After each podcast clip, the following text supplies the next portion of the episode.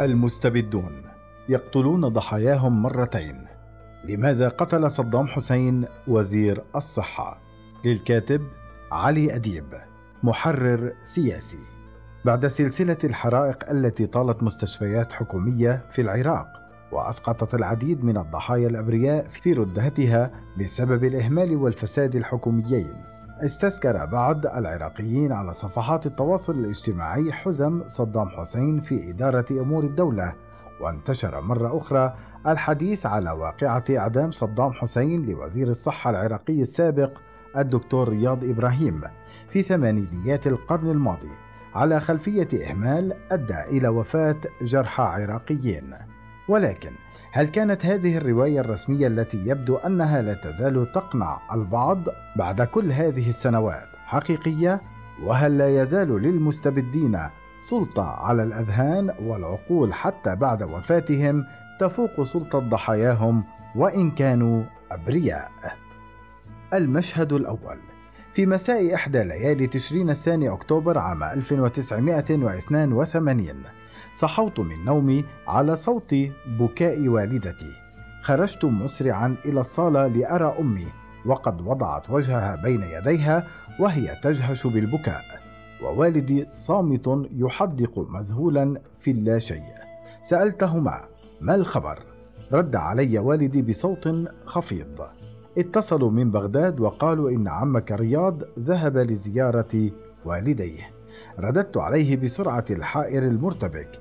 يعني نظر إلي والدي وقال ابني والدا رياض توفيا منذ زمن طويل. كانت علاقة أسرتي بوزير الصحة العراقي الأسبق الدكتور رياض إبراهيم تتعدى علاقة النسب العائلي من طرف والدتي فقد كان صديقا مقربا لوالدي وزائرا دائما لمنزلنا في الكويت كلما حط فيها في زيارة رسمية أو خاصة. وكذلك كان الحال عندما كنا نزور بغداد.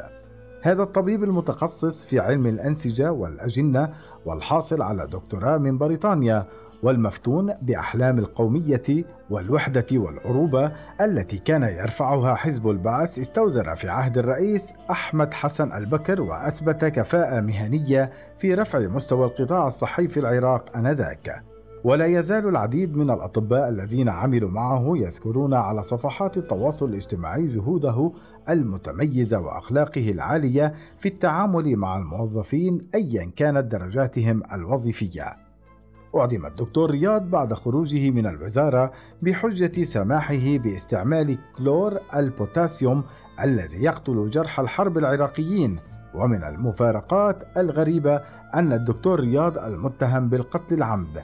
كان قد حصل على جائزة شوشة عام 1979 والتي تمنحها منظمة الصحة العالمية للاعتراف بجهود العلماء أو الباحثين المعروفين أو الأشخاص المتفانين الذين ساهموا مساهمة ملموسة في النهوض بالصحة العامة.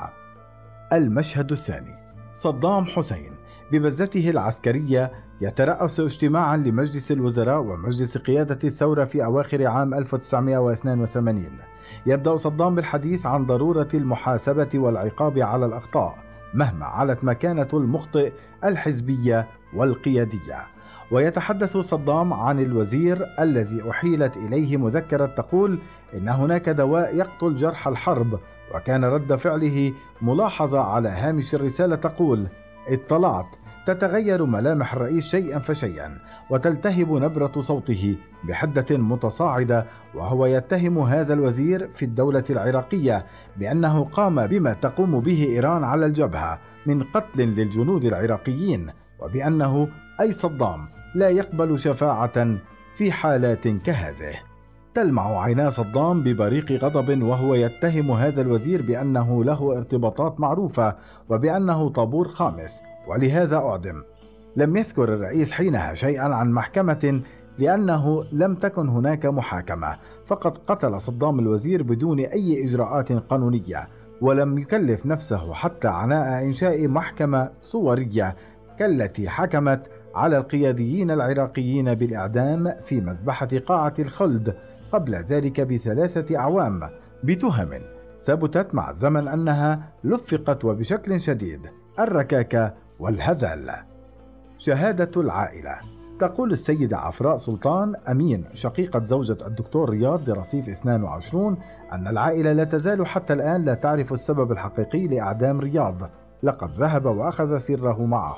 وتضيف أن الدكتور رياض لم يكن مرتاحا من طريقة إدارة الأمور في الفترة الأخيرة من الوزارة. فقد آثار حلق صدام يوما حين تساءل في جلسة لمجلس الوزراء عن السبب وراء حصول وزارة الإعلام على ميزانية أعلى من ميزانية وزارة الصحة. وتقول السيدة عفراء إن صدام رد عليه بغضب بأنه ليس من حقك أن تشكك في هذه القرارات. كان عدم الرضا هذا ينعكس على نفسية الدكتور رياض الذي كان يصطحب والد زوجته سلطان أمين في جولات للمشي خارج البيت خوفا من رقابة الحكومة ليبوح باستيائه من أسلوب إدارة الدولة.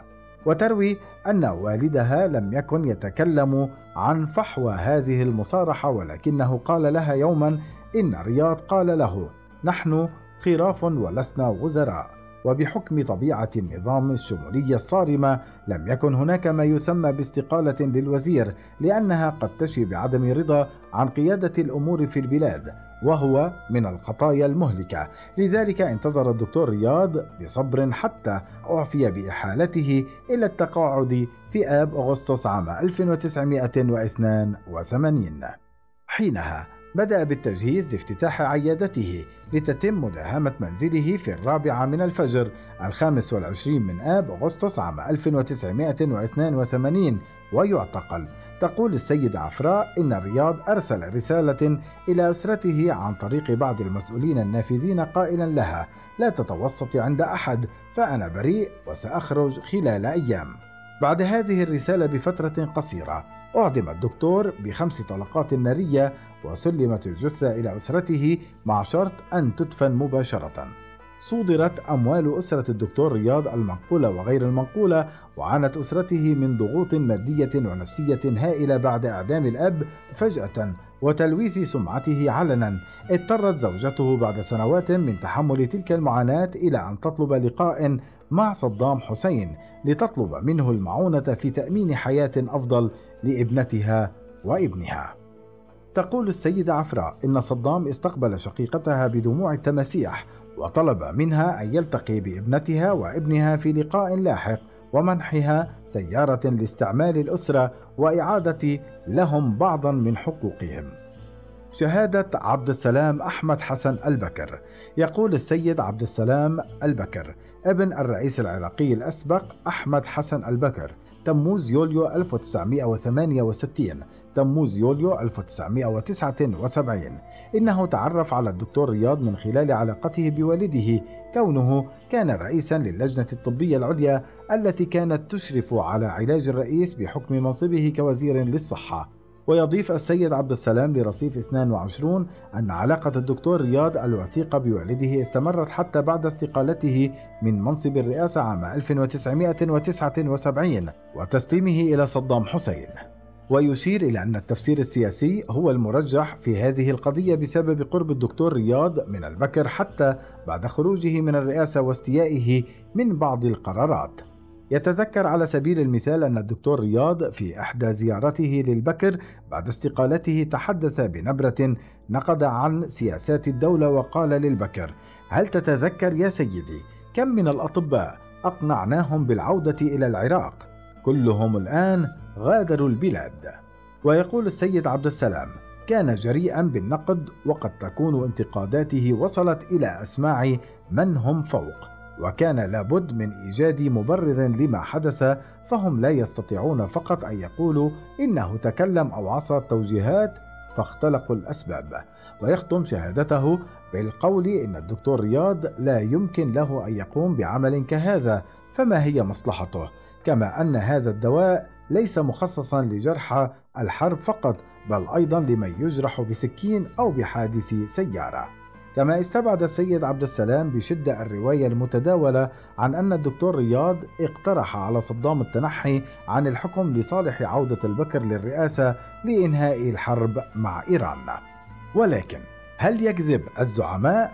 حين يكون الحاضر سيئا ومحبطا فهذا لا يعني بالضرورة أن الماضي كان مجيدا ومشرقا. ولكن الذاكرة الجمعية وفي سعيها إلى حماية نفسها المرتعشة من مواجهة الحقيقة تجعل الهالة المحيطة بالزعيم أشد ضياء كلما ازدادت حلكة الظلم الحاضر فبغير هذا سيضطر الناس إلى الاعتراف بأن الحاضر السيء هو حلقة في سلسلة هزائم متصلة بعد أن فشلنا في بناء أنظمة تؤسس لمستقبل يحترم الإنسان ويرسي الديمقراطية والعدالة.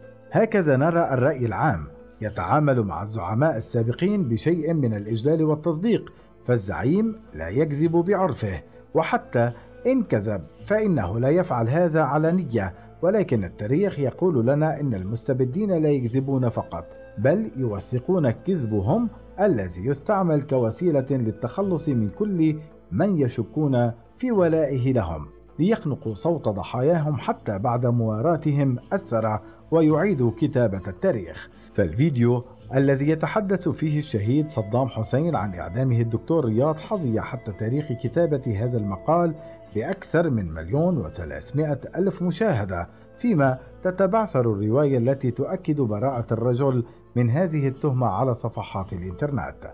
وتتكرر هذه الظاهرة في فيديو آخر لصدام حصد أكثر من ثلاثة ملايين مشاهدة يتحدث فيها عن المؤامرة المزيفة عام 1979 والتي تخلص فيها بوحشية من كبار القياديين الذين كان يشك في تأييدهم لتوليه الرئاسة.